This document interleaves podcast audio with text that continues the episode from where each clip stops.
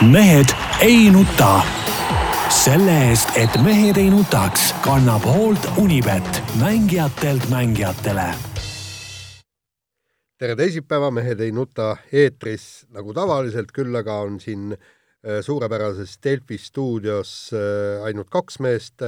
Tarmo Paju äh, Delfist. tervist! Jaan Martinson Delfist, Eesti Päevalehest ja igalt poolt mujalt ja Peep Pahv, tema on Eesti Päevalehest ja Delfist, tema seikleb meil kuskil Mulgimaa kandis ja piitsutab noori inimesi ja sunnib neid trenni tegema, et Peep, oled sa liinil? olen liinil, tere, tere no,! ja piits plaksub kõvasti muidugi aga sul seda hirmu ei ole, et ahistamissüüdistus esitatakse, et, et sa nõuad neilt jooksmist ja ma ei tea, võib-olla ka hüppamist ja äkki sunnid neid ujuma ja, ja teed kõike, kõike säärast, mida tänapäeva noored teha ei taha? no vot, äh, siia ikka kokku tulnud nagu spordimehed ja nad kõik on mu piitsutamisega harjunud, tõsi, eile, kui äh, läksime siin kohalikku Äh, Paisjärve ujuma, siis äh, mõned mehed olid küll sellised, kes äh, justkui ei tahtnud vette minna, aga tuli, ütleme, füüsilist jõudu natuke kasutada, nad ikkagi nagu vette lükata ja, ja lõpuks kõik ikkagi ujumas käisid, nii et, nii et mingeid vastuhakku siin ütleme ei saa olla, kasutame füüsilisi meetmeid selleks, et, et kõik teeksid kõik oma asjad ära. ja aga üks asi on piits, teine asi oli, on präänik, et äh, räägi, sul on seal Karksi lähedal äh, et, et kas sa meestel äh, ikkagi äh, kannu õlut lubad pärast trenni äh, taastamis, taastumise mõttes ära juua?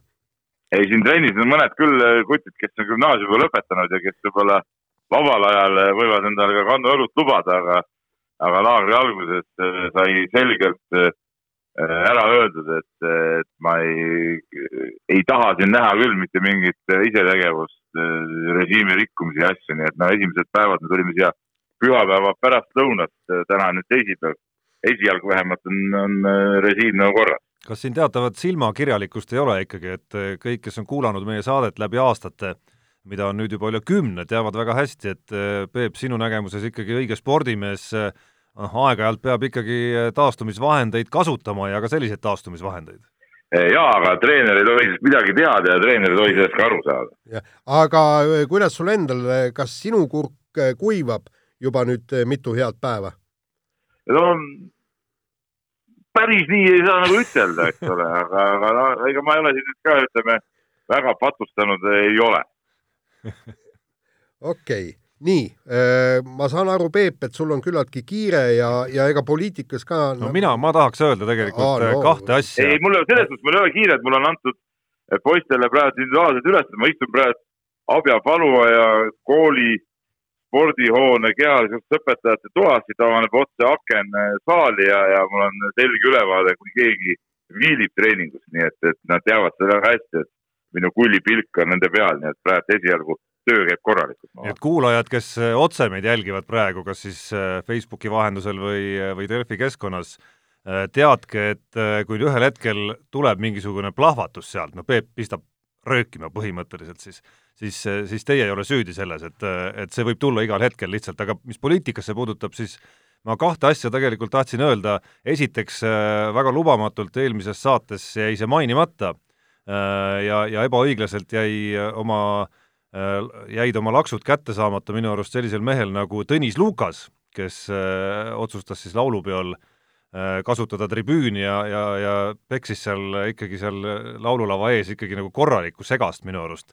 ja siis selgitas veel pärast asja juurde, et et talle oli ette nähtud võimalus rääkida saja tuhande inimese juuresolekul, televaatajaid arvestades veel rohkem, aga et ta ei viitsinud isegi nagu ette valmistada ja mõelda ka, et mida võiks seal siis nagu rääkida ja koha peal improviseeris seda lihtsalt, aga ja teine, äh, me oleme siin tavaliselt poliitikute suhtes hästi kriitilised, aga äkki oleks äh, hetk äh, öelda vahelduseks ka midagi head ja, ja mina tahaks küll öelda, et üsna sümpaatse mulje on mulle jätnud Tallinna uus linnapea Mihhail Kõlvart. jaa, absoluutselt, ma tahan äh sinuga täiesti nõustuda ja, ja kõik see jaburdus ja, ja totrus, mida eelmine linnavalitsus plaanis, see on mingisugused äh, peatänavad, äh, kus liiklusel on ainult kaks rada ja kõike muud säärast ja siin on veel väga palju asju, noh, Tallinna TV ja, ja kõik muu, et äh, asjalik mees tundub mul, et mul ei ole iseenesest äh, et ma pooldan igati seda, et, et muuta jalakäijatele mugavaks ja jalgratturitele mugavaks kogu linna õhkkond, aga ja kogu seda linnakeskkonda, aga, aga selleks on vaja mingid eeldused luua ikkagi, et inimesed saaks normaalselt liikuda, et enne loome need eeldused ja siis paneme kuskile midagi kinni. Tarmo, ma olen kesklinna elanik ja näiteks talvel ma sumpan kurguni lumes jätkuvalt ja järjepidevalt ja ma kujutan ette, kui siin mitme kilomeetri pikkune ja hästi lai jalakäijate tänav äh, talvel siin püsti pannakse. mille jaoks, kuhu, kes see seal hakkab lumehangede vahel sumpama? Ärge aru... jamage, auto, auto on jumal ja autoga tuleb liikuda ja unustage ära mingid jalakäijate tänavad ja värgid, see on vanalinna värk, kas vanalinnas olema jalakäijate tänav, mitte järsku kuskil, ma ei tea, keset äh, Pärnu maanteed äh, järsku mingi jalakäijate tsoon, tulge mõistusele. Äh, minu meelest võiks teha, vaata kogu, kogu aeg on räägitud, et, et liiklus tuleb viia maa alla või maa peale, noh, sinna kuhugi kõrgustesse. Pakun välja, et Torontos on asi palju vingemalt lahendatud, sinna on ju maa alla, kesklinnas on maa alla ehitatud linn, kus on, mis on mõeldud jalakäijatele. ja, ja täpselt, kaevake tunnelid ja las jalakäijad käivad seal, autod sõidavad tee, tee peal. oled nõus, Peep, ma arvan? ei, mina olen täiesti nõus, et noh autoga peab saama liikuma ja kogu see, kogu see jutt, et mingi vähem autosid ja ma ei tea, ärge sõitke üksi autodes, see on mingi täiesti piisavus ju. Loomulikult on alati igal võimalusel üksinda autos, mitte kedagi peale ei taha võtta kunagi ja, ja, ja see ongi, see ongi see koht, kus ma saan nagu olla rahus ja omaette ja see, see, see kuulub mu igapäevarutiini hulka igal juhul, autoga üksi sõitmine ja, ja, ja ka pikkade maade sõitmine, nii et mingid, mingid jagamised ja ma ei tea, mis asjad, et see on mingi, mingi umbluu jutt täielik no aga nüüd hüppame sujuvalt kiirete autode juurde. jah, räägime Rally Estoniast, Peep, sa olid seal kohal. Nii sina kui ka kümned tuhanded pealtvaatajad said ilmselt väga vinge naudingu, kui me vaatame neid klikke isegi, mis ralli Delfile tõi, siis on see üsna võrreldav MM-sarja etapiga. Ja tundub, et, et kuigi see on nii-öelda, nii-öelda võistlus, sellepärast et praktiliselt kõik äh, peale Ott Tänaku ehk ütlesid, et, et nemad eelkõige tulid siia testima, aga mitte võidu sõitma, siis publikule läks kogu see sündmus öö, äh, ülivingelt peale. no väga vingelt läks peale ja ma ütlen, see sündmus iseenesest oligi, oligi väga vinge, et noh, ja ütleme mulle endale ka natuke seda sportlikku pinget äh, või no mis natuke, vaid päris palju ei vajaka, aga selle päästis muuseas muidugi see nii-öelda R5 autode konkurents ja ja, ja Rainer Ausi vägev võitlus äh, teise koha pärast ja see, see nagu korvas selle, et äh, WRC autode arvestuses nagu midagi võib-olla väga põnevat ei olnud, aga, aga tervikuna kogu see üritus ja Rally Estonia kui selline, noh, see on, see on suurepärane, midagi, midagi vägevamat äh, sel aastal Eesti Vabariigis toimuda, toimunud ei ole ja, ja ei, ei toimu ka ilmselt. kusjuures ma pean isegi tunnistama, et mind äh mingil määral üllatasid need numbrid, kui ma nüüd vaatan sealt, äh, mida Jaan mainis ka nii-öelda nagu lugejate, lugejanumbrite poole pealt, et sest ma oma näitel tundsin äh, mõlema võistluspäeva jooksul, et äh, noh, mingisugustki võrreldavat huvi tulemuste vastu tegelikult ju, kui, kui võrrelda WRC etappidega, ju tegelikult ei olnud, et, et et noh, seda, seda pinget selles võistluses siiski ei ole. no, no see on muidugi natuke kummaline väide jälle, Tarmo, sinu poolt muidugi, et et mingit huvi tulemuste vastu ei ole, no see näitabki nagu seda tihtipeale meie siukeste nii-öelda rallifännide, nii-öelda spordifännide mingi nagu pealiskaudsust, no siin tegelikult nagu, nagu jälgida oli küll, jah, okei okay,, ma ütlen tõesti, et no see äh, oli selge, et Ott Tänak selle võistluse võidab, see oli nagu enne starti juba selge.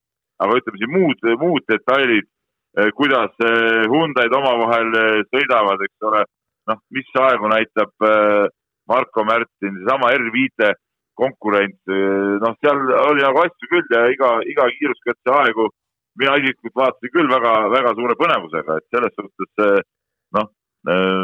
ei, ma arvan, ma arvan, et sul on selles mõttes õigus, et see ongi selline nagu ütleme, sinusugune hardcore rallifänn nagu suudabki neid detaile seal ja tahabki neid detaile rohkem jälgida, et ka nendest küsimustest, mis sa loetlesid, nii Märtini küsimus kui ka Hyundai'de küsimus said noh, pigem üsna varakult vastused siiski kätte, et mis tempos keegi liigub ei, no tegelikult ei saanud, vaata nüüd see on jälle, noh, seal äh, mingit äh, vastust ei olnud, et iga kiiruskatse näiteks Hyundai'de ehituses äh, luges ju iga kiiruskatse tegelikult, et, et kas ja kui palju need äh, Priin suudab autoga kohaneda, palju tema ajad näiteks paranevad ja nii edasi, et ja see vahe tuli siis ikkagi Priini rehvi purunemisega lõplikult, et selles suhtes nagu, nagu jah, neid detaile nagu oli küll ja noh, ja ma ütlen ikkagi veel kord, rõhutan, et nagu, nagu viimase kiiruskatse, no viimane päev oli nii, et ma põhimõtteliselt ainult seda nii-öelda WRC kahe või R5 autode äh, ehitust siis äh, jälgisingi ja seda, kuidas Rainer Ausi ja Simo Koskineni edu äh, hakkas sulama seal teise koha peal ehituses soomlaste ees ja, ja kuidas see viimaseks katseks oli ainult üks sekund ja, ja kuidas nad selle lõpuski ära võitsid, siis noh, ütleme, mina sain seal kõige kõvema elamuse sellest, sellest heitlusest tegelikult. sest tegelikult äh, ütleme niimoodi, et, et eestlane on aastate ja aastakümnete läbi põrinatega nagu väga-väga sinasõber olnud ja, ja tegelikult on kõik need ikoonilised Kalevi suursõidud kus kihutasid tsiklid ja veelgi varem ka vormelid, eks, mida me kõik mäletame ja meie hea kolleeg Õhtulehes, David Tserp ju kirjutas, et, et midagi, midagi võrreldavat on ainult see asi, mida vanemad inimesed seal öösel teki all teevad. No täpselt ja, ja, ja Davidi kommentaar oli muidugi suurepärane, ma soovitan kõigil seda ka lugeda ja tänapäeva nooremad, noorem põlvkond muidugi ei kujuta seda üldse ette, aga mina ise olen nii-öelda Kalevi suursõidu ja ka sina, Jaan, ilmselt, eks ole, Kalevi Just. suursõidu põlvkond ja, ja, ja. no isegi mina lapsena mäletan ikka päris ägedat. Tarmo, jah, jah. et, et kaheksakümnendate algusest alates ma hakkasin Tallinna sõitma nendeks võistlusteks ja no see oli ikka, no need olid ikka suured, suured asjad, kõik need sotsialismimaade karikaetapid ja ja, ja seal tõesti oli, seda rahvast oli, oli nii palju, et nagu võimatu, võimatu nagu kirjeldada isegi. tänapäeval ei kujuta ette, asjad niimoodi ole. küll aga Rally, ka Rally Estonial muidugi rahvast oli ikkagi meeletult, korraldajad äh, rääkisid, noh, enne rallit rääkisid, nelikümmend tuhat pealtvaatajad nad ootavad, no ma ei ole nüüd äh, näinud ausalt öeldes, ma siin ei ole väga tihedalt ka eile ja, ja täna hommikul väga palju neid uudiseid ka vaadata, aga minu arust ei ole kuskilt seda numbrit välja tulla, aga ma olen absoluutselt kindel, et see nelikümmend tuhat tuli seal täis, rahvast, rahvast oli, oli lihtsalt nagu kirjeldamatult palju ja, ja siinkohal ma ei tahtnud seda Kalevi suursõitu niisama mainida, vaid ma toon võrdlusjoone. Kalevi suursõit ei andnud ka ju mitte midagi. põhimõtteliselt ta ei olnud Nõukogude Liidu tšempionaadi etapp, ta ei olnud mitte midagi, ta oli lihtsalt üks sõit. ta oli lihtsalt üks suvaline võistlus tegelikult. just, täpselt. ja, ja, ja, ja rahvas tungles sinna ja täpselt samamoodi ma arvan, et see Rally Estonia on ja võiks ka tulevikus olla koht, kuhu kõik autospordifännid kogunevad kord aastas, et, et vaadata ägedaid autosid, omavahel äh, kokku saada, õhtul võtta natukene kesvamärga ja, ja, ja et see on nagu nii-öelda palverännak kord aastas, et sa lähed sinna kohale, kuigi äh, Kalevi suursõidul parimatel päevadel sada tuhat inimest, nii et, et vaatame, millal Rally Estonia selle arvu kätte saab aga.... ja, ja ma ütlen, see korraldus muidugi oli ka, kõik oli nagu nii palju, kui mulle ka nii seestpoolt kui, kui ka väljapoolt paistis. see Urmo Aava tiim oli teinud ikka tõesti, noh, siin see kiidulaul, noh, see kõlab võib-olla nagu totrana, see kiidulaulu laulmine, aga tegelikult ka, noh, see oli nagu, see oli nagu hästi tehtud, muidugi seal mingeid detaile on ja, ja millest me seal ka juba korraldajatel rääkisime, mis ka ütleme, minu enda tööd seal natuke puudutas, aga, aga tervikuna ikkagi oli, oli see kõik, kõik oli nagu hästi tehtud ja mul on ju väga palju võrdlust MM-rallidega ka, et, et ma ei ütle küll, et seal üheski detailis millestki alla jäädi, et, et noh, see oli, andis täpselt sellesama MM-ralli mõõdu nagu välja.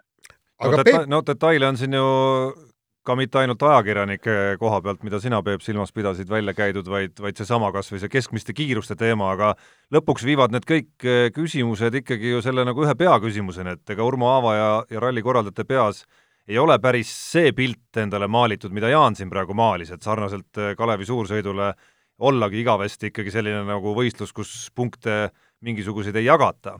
aga, aga need võimalused, see samm teha sinna WRC suunas, no ilmselgelt tunduvad ikkagi väga haprad. vähemalt äh, Ott Tänaku suust kõlas ka ikkagi minu arust selline toon pärast rallit, et, äh, et väga-väga keeruline. no siin ainuke asi, mis selle hapraks teeb, ongi see, nii-öelda äh, turuolukord, et noh, Eesti on lihtsalt niisugune riik, kus, kus WRC-l on äh, niisugust äh, majanduslikku turgu nagu ja, ja nendel tiimidel raske leida, eks ole, noh, miks seda autorallit sõidetakse? Ikkagi nagu selleks, et oma autosid müüa ja, ja näidata, et nende automargid on väga kõvad, noh, siin Eestis mingit ostuturgu ju kindlasti, kindlasti ei ole. et seda küll, aga kõik muud detailid, see kiiruste värk no see on, see on niisugune, niisugune norimise koht, et alati saab neid kiirusi vähendada on seda Soomes tehtud, on seda Rootsis tehtud, alati saab panna mingeid kunstlikke takistusi ette, mis seda keskmist hoogu maha tõmbavad, et, et see on nagu kõik tehtav ja peale selle, kui MM-ralli tuleks, siis tuleks ju ka palju äh, muid kiiruskatseid muudest piirkondadest, kasvõi seal Võrus ja, ja, ja ütleme seal taga Antsla kandis ja ütleme, noh, see, see ei ole nagu, nagu probleem, et probleem on ikkagi just see, just see turu teema, aga aga millegipärast ma arvan, et, et, et ikkagi Eestil on päris, vastupidi, päris suur võimalus ikkagi see ralli ükskord siia saada. no minu eriti, eriti kui tuleb see, see nii-öelda, vaata, millest on ka räägitud, see nii-öelda rallide roteerumise süsteem, et siis, no siis oleks see võimalus muidugi suurem. Äh, tähendab, äh, kui me räägime siin mingitest autoturgudest, siis ega see Soome turg oma viie miljoni äh, elanikuga ka ei ole nüüd teab mis meeletu, eks aga viis korda suurem kui meil. ei no ta on viis korda suurem kui meil jah, aga, aga, aga vaata, nagu Urmo Aava räägib, eks, meile tulevad lätlased, meile tulevad leedulased, meile tulevad venelased ja, ja, ja kui suudetakse tõesti nendest riikidest see publik siia tuua, siis on võimalused märksa suuremad, aga ma ikkagi arvan, et kogu küsimus on äh, Jyvaskyla rallis ehk siis Soome MM-rallis. kui äh, ralli MM-sarja korraldajad otsustavad panna roteeruma Soome ralli Eesti ralliga, siis on meil võimalus. kui nad otsustavad, et Soome ralli on ja jääb igavesti MM-etapiks ja tema ei roteeru, ma arvan, siis Eestil võimalust ei ole. no seda ma ei usu, et Soome ralli MM-sarjas pannakse roteeruma, see on nagu ebareaalne küll aga, aga näe, aga Poola ja Soome said ju olla koos ka suht sarnased rallid tegelikult. no jaa, aga üks on Kesk-Euroopa ralli ikkagi, Poola on ju ikkagi rohkem sinna Kesk-Euroopa poole, no okei okay,, ta on võib-olla ida, eh, ida poole natukene rohkem. no pluss Poola ikkagi... on ikkagi jõhkra suurusega turg, eks. no just, täpselt, just. nojah, ei noh, raske öelda, aga ma ütlen, et eh, ütleme, meie enda korralduse või meie enda tegemiste taha igatahes midagi ei jää, see on ka selge no nii, aeg on vahetada saate osa ja, ja väikene kõll siia vahele. jätkame kiire vahemänguga ja jätkame ralliga. Äh, Marko Märtin, meie äh, ütleme nii, et esimene suur-suur äh, rallistaar istus uude WRC autosse ja pärast seda andis teada, et tükk aega enam ei taha seda autot proovida, sest et uus WRC auto on noorte meeste masin. Äh, Peep, kas, äh, kas ta siis on ikkagi nii, et, et vanad mehed ei kipu sellega hakkama saama? ei no hakkama saamiseks nüüd küll mingi küsimus ei ole. et, et äh, nii nagu Marko ütles, et tegelikult võiks ju sõita ka palju kiiremini, aga, aga lihtsalt ei, ei taha seda teha ja ja noh, pole ka, polnud ka mõtet ju hakata seal nüüd päris piire kompama, eks ole, et, et kindlasti Marko saaks, suudaks ka kiiremini sõita. noh, teine asi on see lihtsalt, et, äh, et no mis, mis, mis selle asja nagu mõte tal oleks, noh, tema, tema vanuses, noh, ei saa öelda, et ta nii vana mees oleks, aga ikkagi äh, kõvasti üle neljakümne, et, et äh, mis see point nagu oleks sõitma hakata. no Sebastian Loeb on vanem, aga noh, Sebastian Loebil ilmselgelt on vähe muud huvid natukene. tundub, et mees naudib, naudib seda kihutamist ikkagi veel erinevates kohtades. ja ma olen täiesti kindel, et me Marko Märtinit veel sõitmas näeme, aga, aga see, et ta seda harva teeb äh, see tõstab iga tema sõiduväärtust ja, ja see, kuidas talle seal kaasa elati, see oli ikka kõige võimsam, see kaasaelamiste efekt, et kui Märtin ikkagi mööda läks, eriti esimesel päeval, kui ta noh, ütleme ta oli täitsa uudne see vaade, panin ka kohe esimese kiiruskatse raja ääres, no siis see ovatsioon oli, oli vägev ja kui eh, ma olin selles üks peataotus kohas, kus Kalev Kruus kommenteeris ka eh, olukorda ja, ja kui Kruus ütles eh, Märtini aja esimese kiiruskatse, siis sellele järgnes ikkagi publiku niisugune valiaplaus ka, et, et see oli, see oli noh, päris, päris vägev ja, ja tegelikult seda näitas ju ka meie need numbrid, et näiteks Marko Märtiniga tehtud videointervjuud kogus kõige rohkem vaatamist. et, et huvi tema asjade vastu on ikka väga suur. Äh, vahetame teemat, Eesti neljapaat jäi Rotterdami MK-etapil eelviimaseks, aga vähemalt peatreener Mati Killingul oli põhjust optimistlik, optimistlik olla, nimelt ütles ta, et olümpiapiletini on kõigest neli sekundit no mul tekib siin küsimus, et kuhu maale me oleme jõudnud. meie sõudmine rääkis kogu aeg medalitest ja kogu aeg mindi medalite järgi. nüüd me räägime seda, et, et me oleme nelja sekundi kaugusel olümpiakohast ja, ja nüüd on see meie eesmärk. et kas meie, kas meie me, äh, kunagine medaliala on tõesti sedavõrd põhja äh, läinud omadega? Vot see on, see on nüüd suur küsimus, et, et enam ei püstitata medali eesmärki, et vennad ongi rahulikult, sõidavad olümpiale, olümpiale ennast välja ja kõik siis nokivad nina edasi ja siis hakatakse rääkima, et näed, et äkki me saame A-finaali ja, ja kõik nii, et minu meelest peaks medal ikkagi olema eesmärk. no minu arust ka see tõusjate asi eh, on, on nagu läinud nagu lati lasknud väga, väga madalale, aga siin võib ka üks põhjus olla, et ikkagi tegelikult siiamaani annab ju tooni see üks ja seesama äh, põlvkond, kes on juba väga-väga pikalt äh, selle sõudmise esirinnas olnud ja, ja ega paratamatult ikka aeg teeb ka oma töö ja ja, ja nendes meestes seda jõudu, energiat ja võib-olla ka nälga ja tahtmist enam ei ole, noh, tegelikult. noh, ilmselt selle taha väga paljuski see jääb, noh. ei saa ju nii olla, et, et, et mehed, kes mingil hetkel olid maailma tipus, nüüd järsku enam ei, noh, on nagu, on nagu viletsad või, või nende treeningud enam ei, ei sobi, aga see on lihtsalt, lihtsalt paratamatu niisugune ka psühholoogiline moment ja, ja, ja nii ongi, noh ja siin tekib küsimus. enne kui, enne kui, enne kui täiesti uus põlvkond peale ei kasva, ega see tõusis seis veel meil ongi selline. no jaa, no jaa, aga meil on noori mehi on seal seltskonnas küll ja küll, aga siin ongi kogu küsimus, et, et kas nad ei ole piisavalt andekad või nad ei ole piisavalt töökad või siis treener ei suuda neile õigeid treeningplaane ette anda no,. kolm, kolm võimalust. no või siis on lihtsalt kõik asjad kokku sattunud praegu eh, nende asjade juurde, mis sa loetlesid, ka see, et eh, need nii-öelda vanad ässad, noh, ka nende võimekus ei ole enam päris see, mis tippaegadel no.. seda mõtlen, mina, mina arvan, et pigem ongi selles võimekus ja, ja see niisugune nälg nagu teha seda asja nagu medalite nimel, et noh, neil on nagu kõik medalid on nad ju kätte saanud, mis nad on tahtnud. no ei ole, ühtegi kulda ei ole. No isegi... kulla jaoks, kulla jaoks ei ole ilmselt äh, ka materjali piisavalt. ei ole isegi hõbedat ei ole. Äh, kui välja arvata Jaanson Hendrikson, eks. ja või no siis Jaanson üksinda. nii-öelda medalid on ikkagi saadud küll ja küll. nojah, no jaa, aga pronksid ainult küll. nojah. Euroopa kuld on ka mingist ajast, aga siis oli see pigem naljavõistlus, keegi ei viitsinud sinna õieti võistlema minna.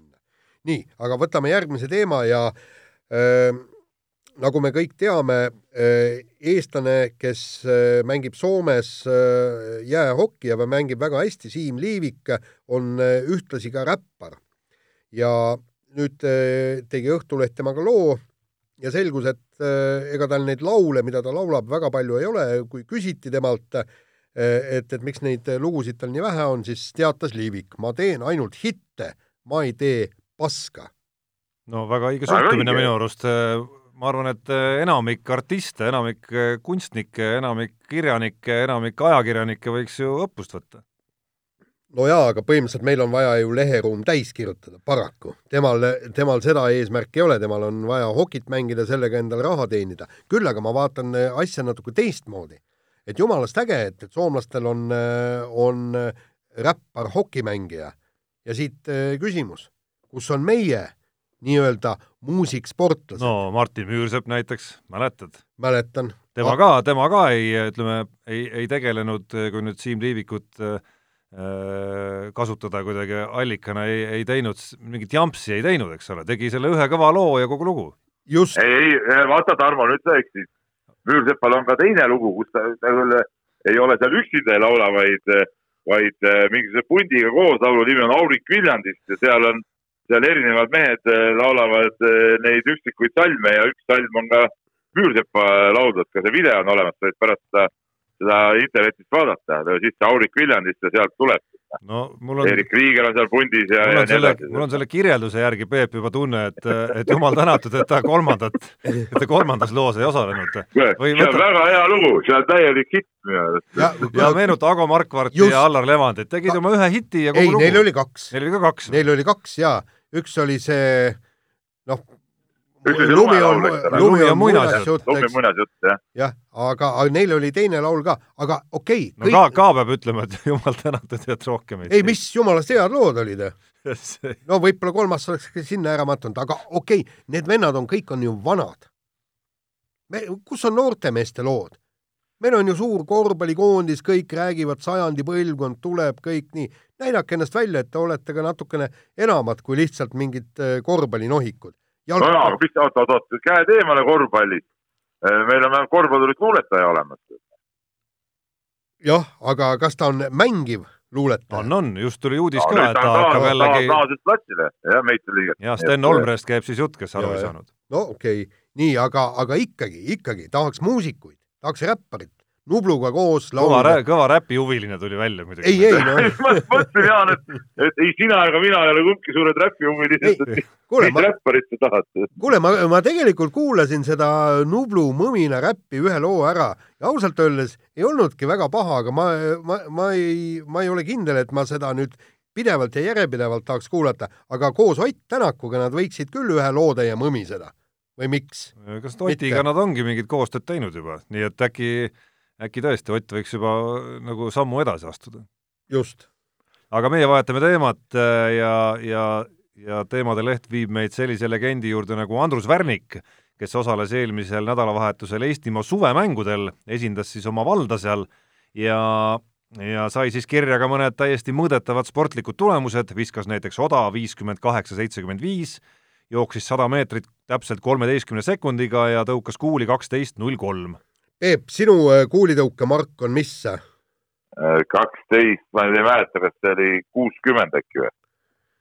oli äh, A-klassis tõugatud. aga kui sa nüüd praegu paneksid ennast Värnikuga joonele? ma tunnistan ausalt, et ei ole kuuli käes hoidnud, ma arvan, aastat viisteist äkki või? no kümme meetrit, kümme meetrit ikka tõukaks ära. ma arvan, et kümme meetrit ikka tõukaks ära, no kümme meetrit on, see on nagu sihuke mehe mõõdupuu, et selle ikka tõukaks ära.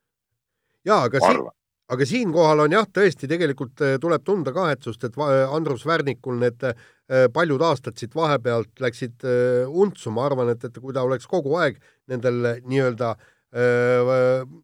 valla eest väljas käinud ja kõike, siis oleks need tulemused palju paremad olnud ja, ja oleks kogu see asi ägedam. ma ei tea, mina pigem ausalt öeldes tunnen küll nagu rõõmu sellest faktist juba, et ta osales sellisel üritusel, no, mis, mis on nagu väga, väga selge märk sellest, et äh, et äh, mees tegeleb aktiivselt spordiga ja on nagu nii-öelda nagu noh, kuidas nüüd öelda, õigel teel.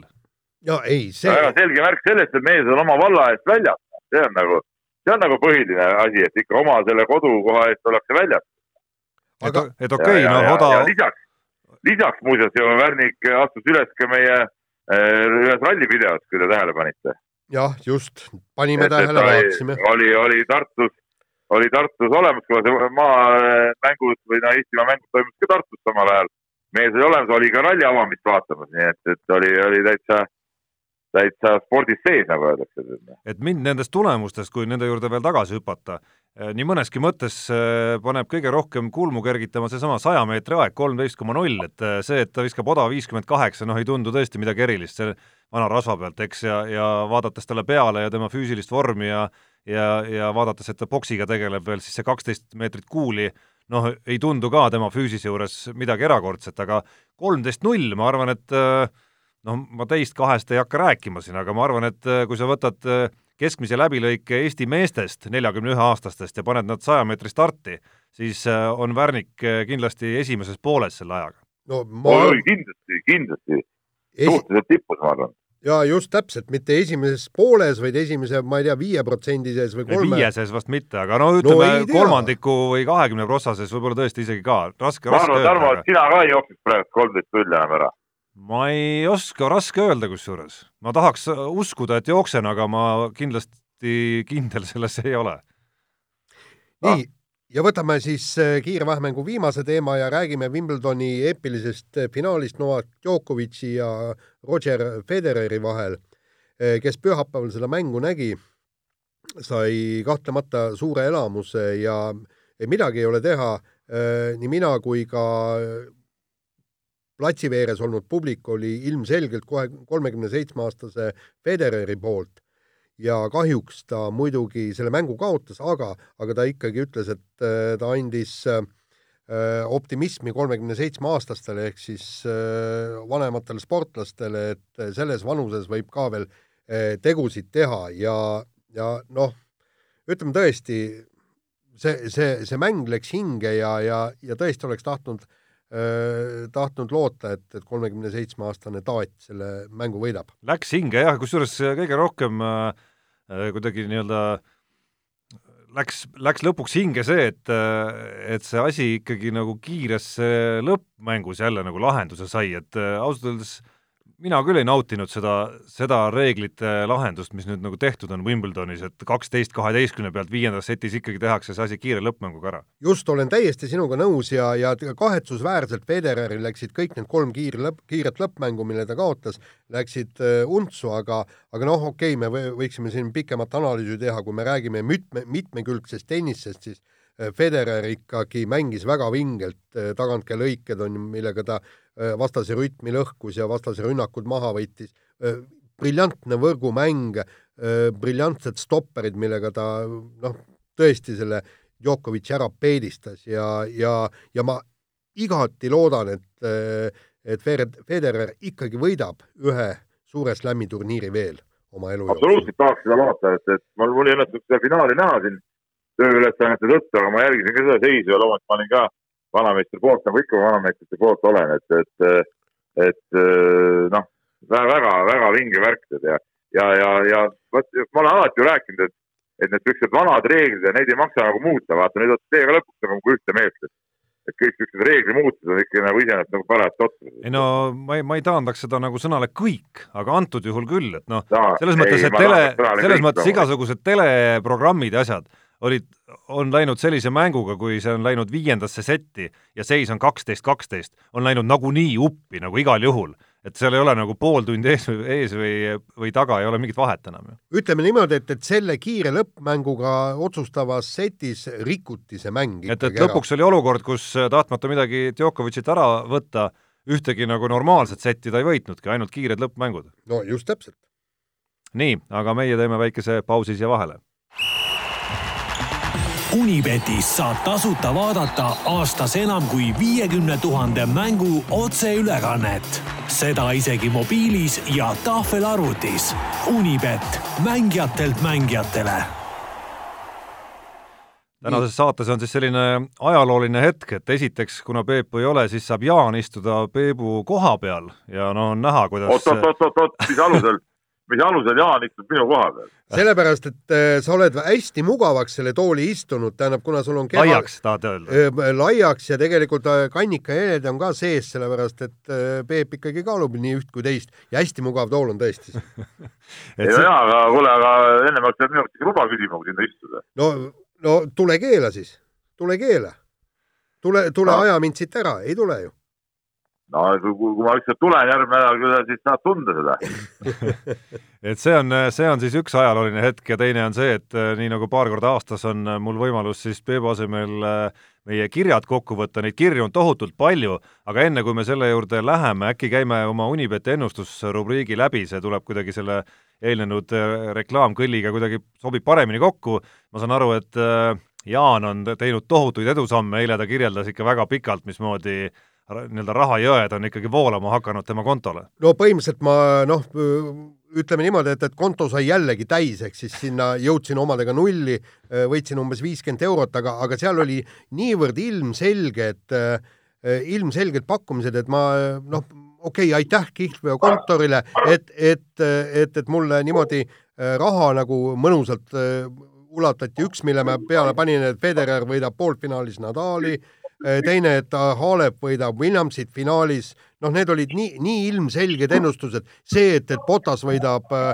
kvalifikatsiooni äh, Suurbritannia GP-l ja kõik need tõid mulle mõnusa kopika tasku, neljas ennustus oli veel ja oli ka sama selge, et aga ma ei mäleta, mis see oli. no geeniuse elu on ikka nii lihtne. nii, nii, kuniks, ma, ma vahemärkuse ütlen, kuniks Jaan siin seletas, käisime vahepeal oma sellest õpetajate toast väljas andmas äh, natuke märkusi ja, ja kohe vaatab, et trenni kvaliteet tõusis. mina ütlen ennustuse kohta nii palju, et ainult selle kohustusliku panuse tegin, äh, läksin jahtima siis Marko Märtini esi-, poodiumit seal Rally Estonial, aga seda kahjuks ei tulnud, koefitsient oli muidugi väga ahvatlev.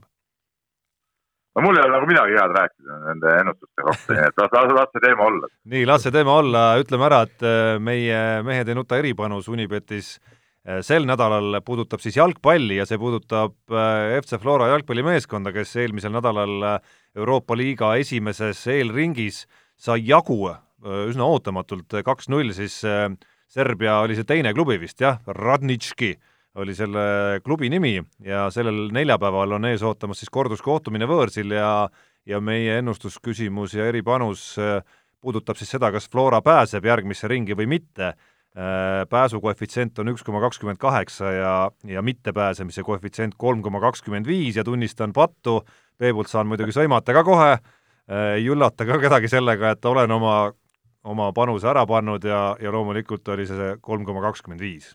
no ma olen ka täiesti kindel, et Flora äh, kaotab selle mängu rohkem kui null kaks ma ei ole täie-, ma ei ole täiesti kindel, aga, aga kindlasti on see, on see kolm koma kakskümmend viis tundub päris äh, hästi antud selle kohta. just. ma olen, panen ka selle peale. nii, ja nüüd lase kirju meile. nüüd laseme kirju ja, ja kirju meie meiliaadressile men.delfi.ee või meie Facebooki postkasti on äh, tulnud päris kõvasti, on kaks kirja, mis äh, on väga sarnase mõttega ja mis puudutavad siis Jaani käiku äh, pühapäeval Alutagusele, kus siis äh, toimusid äh, suvised suusavõistlused, äh, kus joosti ja sõideti suusarullidel ja tehakse siin, Jaan, sulle etteheiteid, et, et suur, suur huvi oli Andrus Veerpalu vastu, aga et võistlust ei kajastanud üldse. No põhimõtteliselt ütleme niimoodi, et, et ega see võistlus, võistlus kindlasti oli kohalikele atleetidele, mõned, mõned säravad noorsuusatajad olid ka seal kohal, aga nad võitsid selle Äh, asja väga, väga kindlalt ära, ütleme niimoodi, et, et see võistlus ise oli äh, rajoonilehe tasemel. et tuleb äh, kahjuks tunnistada, nagu meile kunagi tehti, et suured päevalehed peavad kajastama Eesti tšempionaate ja rahvusvahelisi võistlusi ja väiksemaid võistlusi on, on juba rajoonilehtede töö nendest kirjutada. ja siis on ja selle... ma, ma tean, et Jaani, ma hüppasin ka nüüd Jaani kaitsmisega välja, Jaan tead täitis puhtalt eh, minu antud eh, ülesannet selleks päevaks minna ja püüda kinni Andrus Veerpalu, kuigi me olime ka suhteliselt kindlad, et sealt eh, mingit väga suurt sisu ei tule, aga, aga no see tuli ära teha lihtsalt ja see oli nagu selle hetke nagu, nagu põhiasi, et see võistlus ise nagu, nagu selge see, et see nagu mingit suurt uh, huvi nagu nii ehk naa poleks, poleks pakkunud. Äh, jaa, ja siin äh, Indrek ongi kirjutanud, et mis seda laipa nimega Eesti suusasport veel üldse jalaga togid, aga, aga selle teema juurde me tuleme siin saates äh, tagasi ka veel, on kirjutanud Rain meile ja küsib, et kas see Rally Estonia kajastus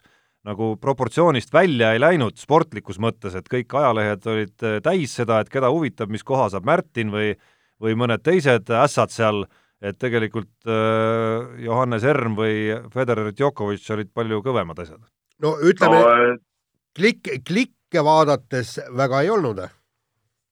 no Rahva... ma ütlen, et, et, et väide, väide seda, et keda huvitab, siis äh, vastan, ütlen vastu, väga paljusid huvitas, sest et äh, loeti väga hästi, numbrid olid, olid suured ja, ja nii ongi ja, ja paraku see ralli huvitabki, mitte, mitte üteldes, et ERM oleks jamanud, ise jälgisin ERM-i võistlust väga suure, olles ka suur kergejõustiksõber, eks ole, jälgisin ERM-i võistlust ära tähelepanelikult ja ala-alalt ja, ja, ja sisuliselt katse-katselt, aga aga, aga, aga jah, ütleme publikut oli ralli uudistel ikkagi kokkuvõttes rohkem.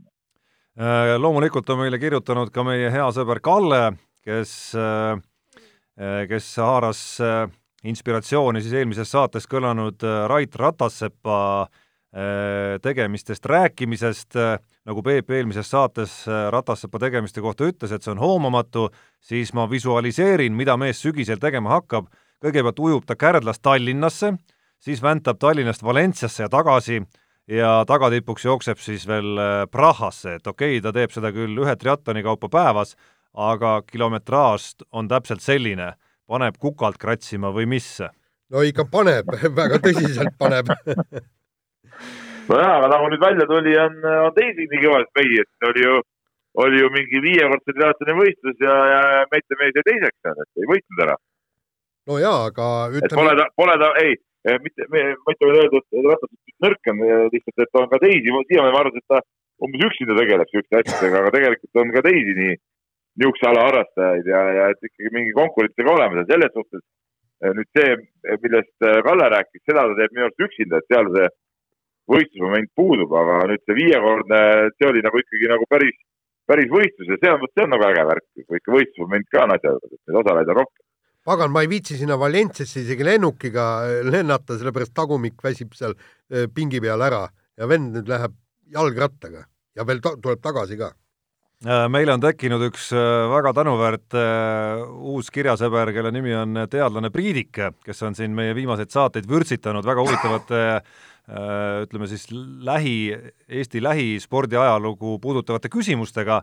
meenutame, et eelmises saates oli siis küsimuseks see, et millised on olnud Eesti spordi ajaloo sellised suuremad paugud luuavarrest Priidik kommenteerib siin meie stuudio arutelu ja ise ütleb, et pooldaks nendest välja öeldud nimedest Andrus Värnikut, Heiki Nabi ja Roland Lessingut, aga jätkab siis seda küsimuste seeriat ja seekord on äh, äh, küsimuseks äh, järgmine, milline on meie arvates kõige sitkem Eesti sportlane viimase nii kolmekümne aasta jooksul, see tähendab, kes on jätkanud oma karjääri võimalikult kaua, hoolimata vigastustest ja vahest ka mitte nii suurepärastest tulemustest, ehk siis millise Eesti sportlase kirvevars on olnud kõige sitkemast kasest? jälle väga huvitav küsimus, aitäh Priidikule! jaa, aga kohe esimese plaksuga kõmm lööb ette Erki Noole.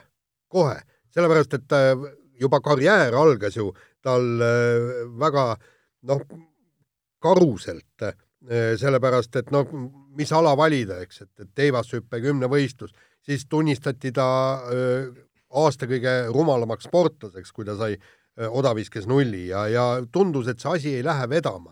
Aga, aga venda nagu ei morgendanud üldse see asi ja lõpuks, lõpuks, kui ta oma rekordid kätte sai ja lõpuks ta võttis ka oma olümpiavõidu ja kas te mäletate, oli ta siis kunagi vigises, et, et, et tal on kuskil mingi vigastus, tal kuskilt valutab?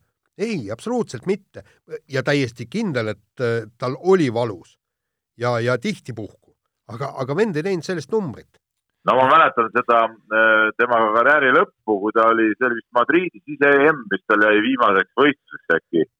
Äh, kui ta läks, läks sinna sisuliselt vigastatuna ja, ja tegi selle võistluse läbi, see tulemus polnud suurem asi, aga tegi selle lõpuni ja see oli sama legendaarne võistlus, kus Kristjan Rahnu kas liidrikohad või, või, või väga kõrged kohad katkestas ja sama päeva õhtul käis diskoteegis juba tantsimas, äh, millest ka tookord kirjutasime ja saime Rahnu Pahamäe osaliseks. no tookord nagu see see Erki võitlus nagu selle, selle oma, oma vigastusega, see oli, see oli nagu muljetavaldav, ta valmistas võistlust niimoodi, et ta ei saanud ju joosta, ta käis seal vees jooksmas ja igast imeasju teevad. üks sportlane tuleb veel meelde, kes on, kelle kogu karjäär on olnud üks, selles suhtes üks vigastustega võitlemine on Xenia Balta muidugi, et aga noh, ta ei ole nüüd nii, ütleme peale vigastust parandamist nii võimsat tulemusi teinud kui Erki Nool, aga tegelikult siin mõnedel hooaegadel on ikkagi olnud kaugelt maailma ikka suhteliselt tipus seal, neid neljandaid kohti sai ta siin tiitlivõistlustel päris mitu, et, et äh, läbi, läbi nende vigastuste ja, ja asjade, kust ta läbi on tulnud ja on ikkagi leidnud motivatsiooni jätkata, et et see on ka päris, päris äh, muljetavaldav. no pane... minul tuli, mul tuli sitkuse musternäidisena muidugi meelde üks Erki Noole kaasaegne ja natukene noh, kohati natuke varasemgi, kuigi lõpupoolest võib-olla mitte enam, ehk siis Jüri Jaanson, et kui te mõtlete Jüri Jaansoni karjäärile tagasi, siis äh, seal karjääris olid ju tohutud ja metsikud tõusud ja mõõnad, eh, kus ikkagi nagu maailma nii-öelda parima sõudja positsioonil olemisele järgnesid äh, ka vahepeal aastad, kus, kus mees noh, sisuliselt oli ikkagi nagu noh, ma ei taha öelda uppus seal paadiga, aga noh, tegelikult nagu paat absoluutselt liikuma ei saadud.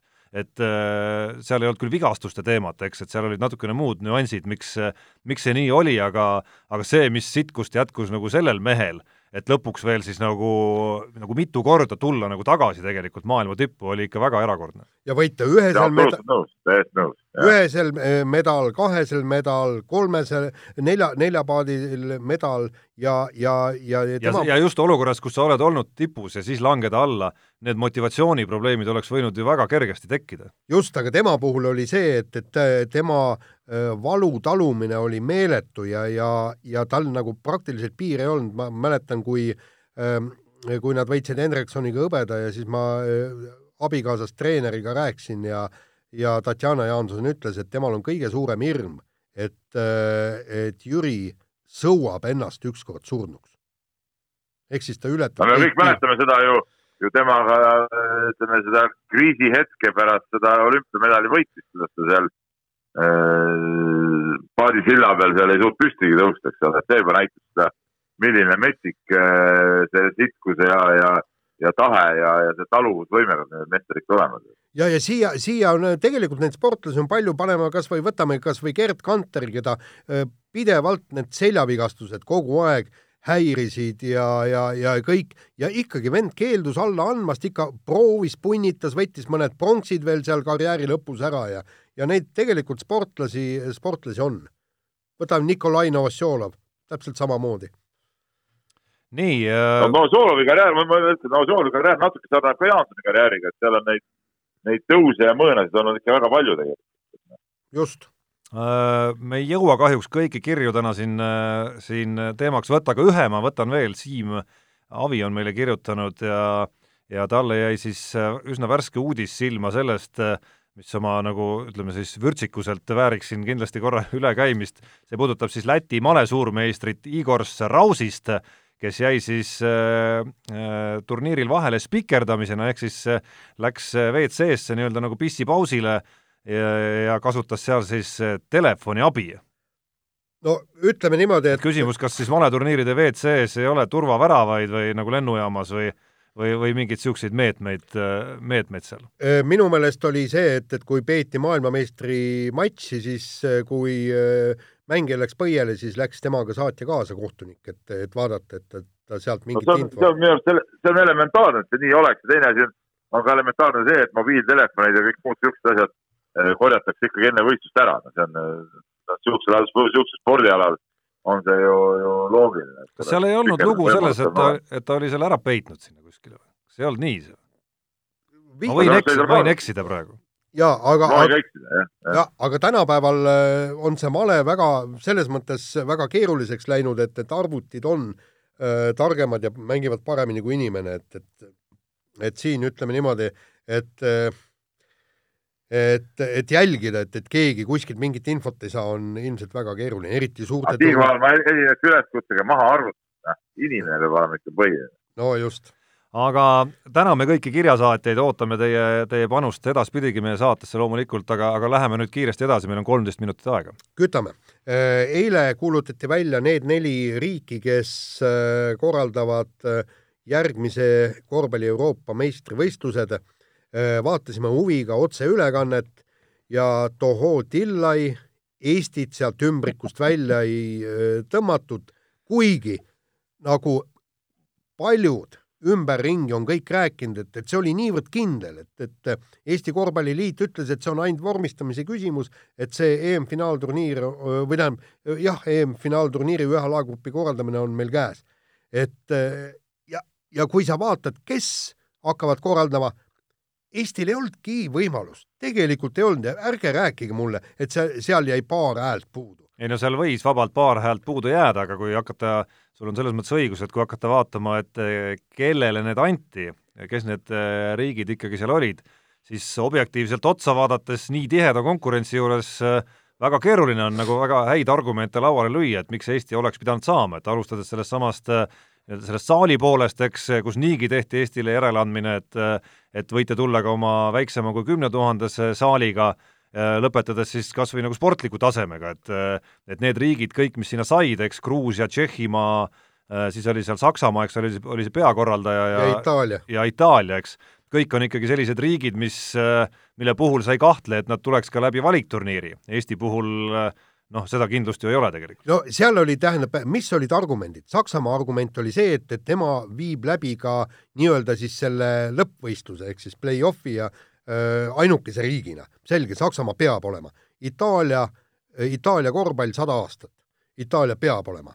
Gruusial tuli kohale president ja nad ütlesid, et selle EM-i hüvanguks nad ehitavad viieteist tuhandese saali. peab olema. ja ainukene, kellega siis me tegelikult konkureerisime, oli Tšehhi, aga nagu ma kuulsin, et tšehhidel oli väga kõva äh, vend ise Fibas, kes sai ilmselt ikkagi seda asja mõjutada. Peep, kuidas no,? ma tegelikult, ei, no tegelikult see kõik on tore ja, ja, ja tegelikult ma kirjutasin valmis, ma ei jõudnud veel seda enne saadet ja enne posti trenni avaldada, kui ma trenn saab läbi, saade saab läbi, siis ma lõpetan trenni ära, siis ma avaldan selle väga ilusti kommentaari tegelikult selle asja kohta. ja minu arvamus on see, et tegelikult pigem on hea, et me ei saanud seda finaalturniiri. et eh, siin on nagu, nagu mitu asja, kõigepealt eh, tasub meil õppida eh, jalgpalliliidult, et et kuidas igasugused kõrvalised tegevused võivad viia ära ütleme fookuse nagu alla enda arendamiselt ja, ja ma leian, et, et täitsa vabalt oleks võinud juhtuda see, et Eesti korvpalli ütleme põhiasjade pealt oleks EM-i korraldamine fookus ära viinud, arvestades kui, kui väike on äh, Eesti, kui väike on Eesti Korvpalliliit ja, ja, ja kui palju see oleks teatud energiat ja ressurssi võtnud, et siin on nagu pigem nagu tuleks ikkagi keskenduda nagu põhilistele asjadele, ehk siis nagu teha seda, et, et korvpall oleks äh, Eestis äh, populaarne, et, et lapsi oleks trennis, et, et klubid oleks tugevad, et regionaalselt oleks kõik kaetud, et, et, et sinna peab korvpall liituma jõu praegu suunama, et see finaalturniir on üks tore asi, millega nagu, millega nagu korraks nagu pilti tõsta, aga, aga see nagu, nagu tegelikku sisulist äh, arengut ju tegelikult ei anna. et ma nagu siin väga, väga hullu probleemi ei näe, teine asi on ka see, et see meie nii-öelda see uus põlvkond, kelle pärast seda võiks korraldada nende parim, parim iga on alles ju tegelikult võib-olla see kaks tuhat kakskümmend viis EM-i ajal, et, et, et, et siin ei ole ka, ka sellest küsimust, et kui, kui siin vahepeal suudetakse natuke korvpalli asju paremaks ajada Eestis ja siis võib ju nelja aasta pärast uuesti üritada seda. no üks et ma siin mingit draamat küll ei näe. ei, draamat kindlasti ei ole, üks argumente lihtsalt, äh, mille ma vist korra olen siin saates välja ka öelnud, on see, et et kui kaks tuhat kakskümmend viis on selle põlvkonna nagu see õige EM, siis see kaks tuhat kakskümmend üks finaalturniiri kogemus kindlasti ei teeks paha, aga see võimalus ei ole ju kuskile kadunud, lihtsalt see, see nagu kuidas öelda, miinuspool sellel on see, et, et kogu see valikturniiride süsteem on ju on ju nagu nii segane praegu, et, et noh, mitte keegi ei oska hetkel öelda, mis koosseisudes äh, keegi ja mis koosseisus Eesti ja, ja kes nendest äh, andekatest mängijatest siis päriselt hakkavad siin valikturniiril erinevates akendes äh, üleüldse nagu mängima meie eest, et see on see nagu segane pool, et, et, et see no, on, see on kindlasti argument, miks, miks meil Euroliiga mehi pole, et selles suhtes meid nagu väga ei mõjuta. no nagu sa nägid, mõjutab küll, et äh, meil vastupidi, on teistpidi probleem. Äh, meil on siis ütleme, Hispaania, Itaalia mitte kõrgliigas mängijaid üsna palju, kust no, mängijate, kust, kust, kust ja, mängijate ja. kättesaamine on osutunud ka väga keeruliseks ja ja praegugi on ju värsked uudised, et Kristjan Kullamäe on sinna läinud veel ja, ja nii edasi, on ju. nii. aga põhiline on ikkagi see, et, et minu arust korvpalliliit peaks praeguses, ütleme, kui see seis on nagu niisugune suhteliselt õrn, et et meil nagu mingi teatud tõus on nagu olnud, aga noh, tegelikult eh, noh, siin ütleme, see korvpallipositsioon vajaks kindlasti nagu tugevdamist ja, ja, ja just ma ütlen veel kord, see klubide arendamine ja korvpalliliit peaks nagu sinna rohkem panustama, et need klubid areneksid ja, ja ütleme, oleks nagu mängijaid ja, ja see koduliiga oleks tugevam ja, ja, ja, ja teatud kõik regioonid oleks kaetud, et see on nagu see koht, kuhu peab korvpalliliit panustama, et see, see EM on lihtsalt niisugune efektne asi, aga, aga noh, ütleme sisulist kasu sealt tegelikult, tegelikult ei tule. aga vahetame teemat, Johannes Ermi nimi on tänasest saatest korra juba läbi käinud, nüüd natukene pikemalt, meie kahekümne ühe aastane suur kümnevõistlus Lootus või ma ei tea, kas enam saab Lootus öeldagi, noormehe kohta, kes kaheksa tuhat nelisada nelikümmend viis punkti sai juba U kakskümmend kolm EM-il kokku ja teenis hõbemedali. No lootus ikka, sellepärast et äh, olgem ausad, kaheksa tuhat nelisada nelikümmend viis on, kõlab väga, väga hästi, aga sellega väga selles ei, vanuses? jah, selles vanuses, aga, aga sellega väga ei vehi äh, noh, sellega võib äh, mingi kesise pronksi kuskilt äh, välja võtta, et me räägime ikkagi praegu Eesti rekordi purustamisest ja üheksast tuhandest punktist.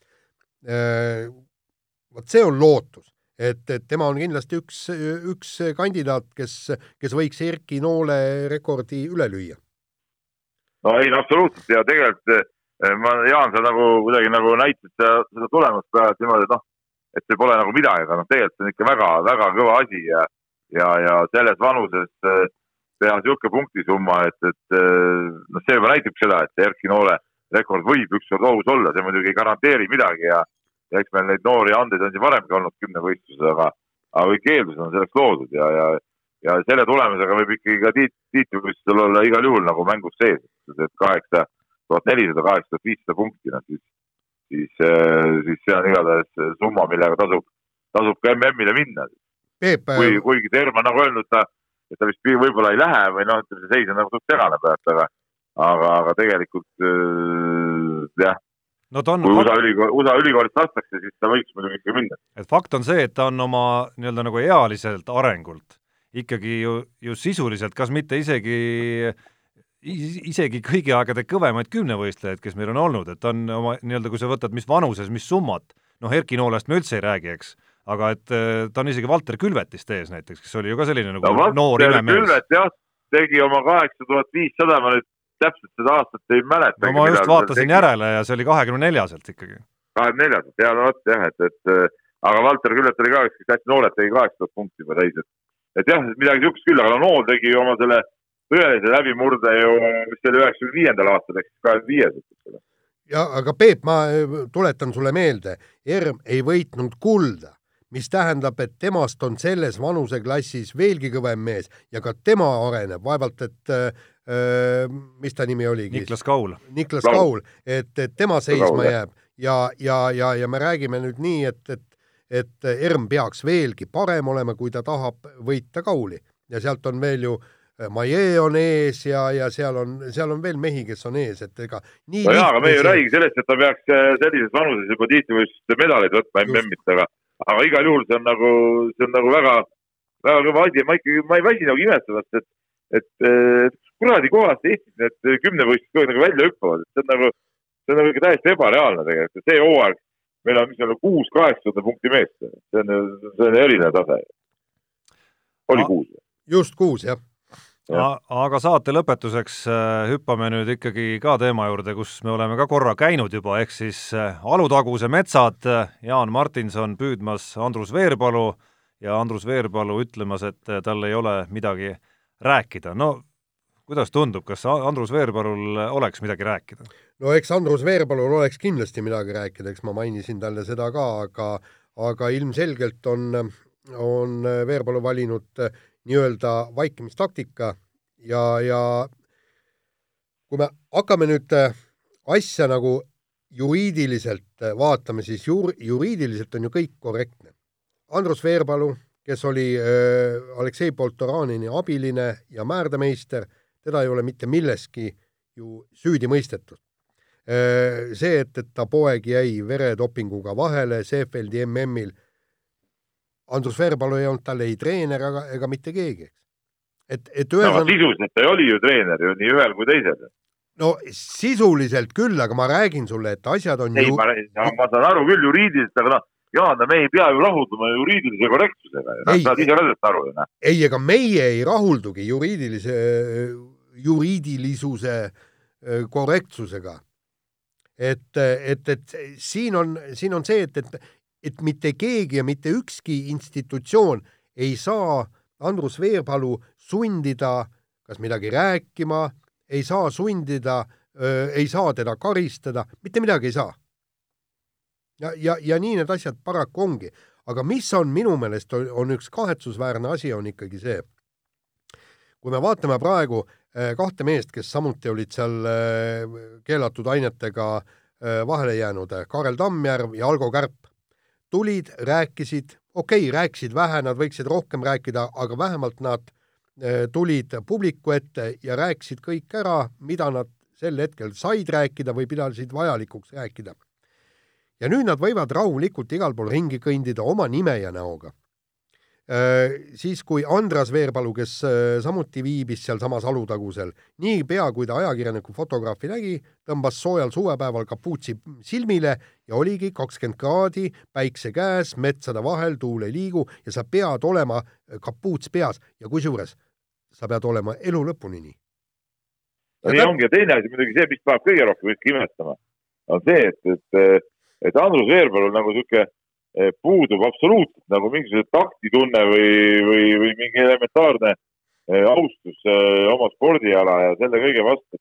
et noh, kui sa oled selle asja sees olnud, okei okay,, jah, juriidiliselt sa ei olnud mitte keegi sealt ja nii edasi, aga kui sa sisuliselt ikkagi olid kogu selle asjaga seotud ja, ja, ja kogu see teema nagu üleval, ei ole veel nagu lahendust tegelikult saanud. no, no mis valu sul on ronida sinna nüüd võistlema ja, ja, ja, ja ütleme, halba halba märki kogu selle asjale, sellele spordialale veel nagu juurde nagu tekitama, et sellest ma ei saa nagu aru, et ise nagu ei mõtle üldse selle peale, mida ta teeb või, või miks ta teeb. no Jaan, Jaan ju oma loos kirjeldas äh, üsna hästi seda õhkkonda, mis Alutagusel valitses, et justkui pealtnäha justkui kõik okei okay,, aga, aga noh, see, mis toimus kuskil seal omavahelistes vestlustes, siis see keskendus ju ainult sellele ühele faktile.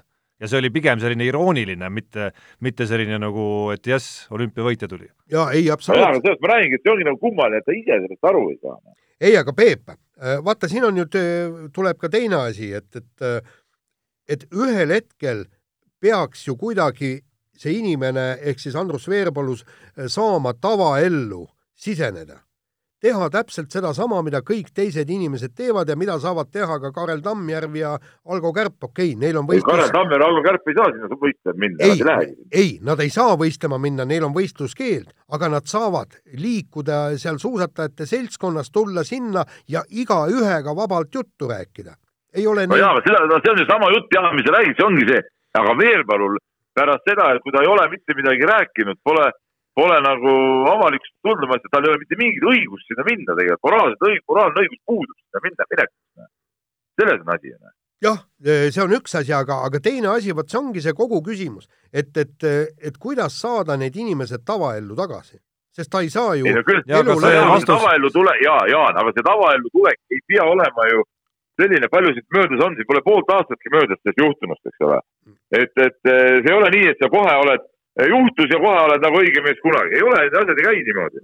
et, et, et, et noh, ta võib tavaelus olla, keegi ei keela tal ju, ma ei tea, käia kaupluses või, või kontserdil või, või teatris, aga, aga, aga selge on see, et selle spordiala enda juurde, ütleme lähiaastatel, ei ole neid kellelgi asja, noh, mitte mingil juhul. Noh. et minu arust vastus, Jaan, ju sellesse tavaellu naasmis või selle küsimusse ongi seesama ju tegelikult, et seesama samm korraks rääkida, ükskõik kui palju või kui vähe sa vastad nendele küsimustele, ükskõik kellele, ükskõik mis keskkonnas, ükskõik kus, see aitabki minu arust sellele sammule nagu kaasa, noh nagu sa kirjeldad siin äh, Tammjärve ja Kärbi näitel. no just, täpselt. see muudaks, see muudabki selle väga lihtsamaks, siis ei peagi kapuutsiga käima pärast enam. no just, täpselt nii ongi. jah nii et ootame telefonikõnet, et, et Andrus Veerpalu ja ta poeg ja, ja ma ei tahaks, ma ei tahaks, ja ma ei tahaks päris nagu nõus olla, Jaan, sa ütled muidugi, et formaaljuriidiliselt ta noh, ta ei peagi nagu midagi ütlema, on ju. aga, aga ütleme, kuskil ta minu arust nagu võlgneb ikkagi avalikkusele ka mingeid vastuseid siiski. et fakt on see, et et ta on olnud ühel hetkel nii-öelda nagu miljonite jumaldada, eks ta on äh, tänu nendele samadele miljonitele, kui me Eesti rahvast siin natukene suurendame võrreldes sellega, mis ta tegelikult on, on ju, on ju tegelikult äh, noh, teeninud nii mõnedki hüved ka tegelikult, eks, et mina küll ei tahaks nõustuda, et ta nagu üldse ei võlgne mitte mingisugust seletust. jaa, aga nagu ma sulle ka ütlesin, ka kurjategijal on õigus vaikida ja äh, Andrus Veerpalu ei ole juriidiliselt kurjategija aga tegelikult tuleks ka kurjategijatele võtta ära, võtta ära õigus vaikida, et, et kurjategijatel peaks üldse mingeid erilisi õigusi olema. aga Peep, nüüd laseme su äh, siis äh, ma ei teagi, mis sa seal nüüd tegema pead, kuidas noored on üleval pidanud ennast kõik see tund aega? no ma vaatan, ma näen siin teatud puudujääki, et kõigepealt, kui ma nüüd siit äh, lõpetame selle saate ja ma sammun sinna platsi keskele, siis seisab ees väike vestlus, ma arvan, et seisab ees ka nii-öelda väike preemiaharjutus ja, ja siis läheb nagu tavatrenn edasi, mis, mis kestab veel oma, no see on veel kahe poole tunnine treening korda, ehk siis poolteist tundi on veel, veel trenni minna. nii et tunneme kõik Peep Pahvi hoolealustele kaasa, lõpetame siit selleks korraks saate ja kohtume nädala pärast. mehed ei nuta. saate tõi sinuni Unibet, mängijatelt mängijatele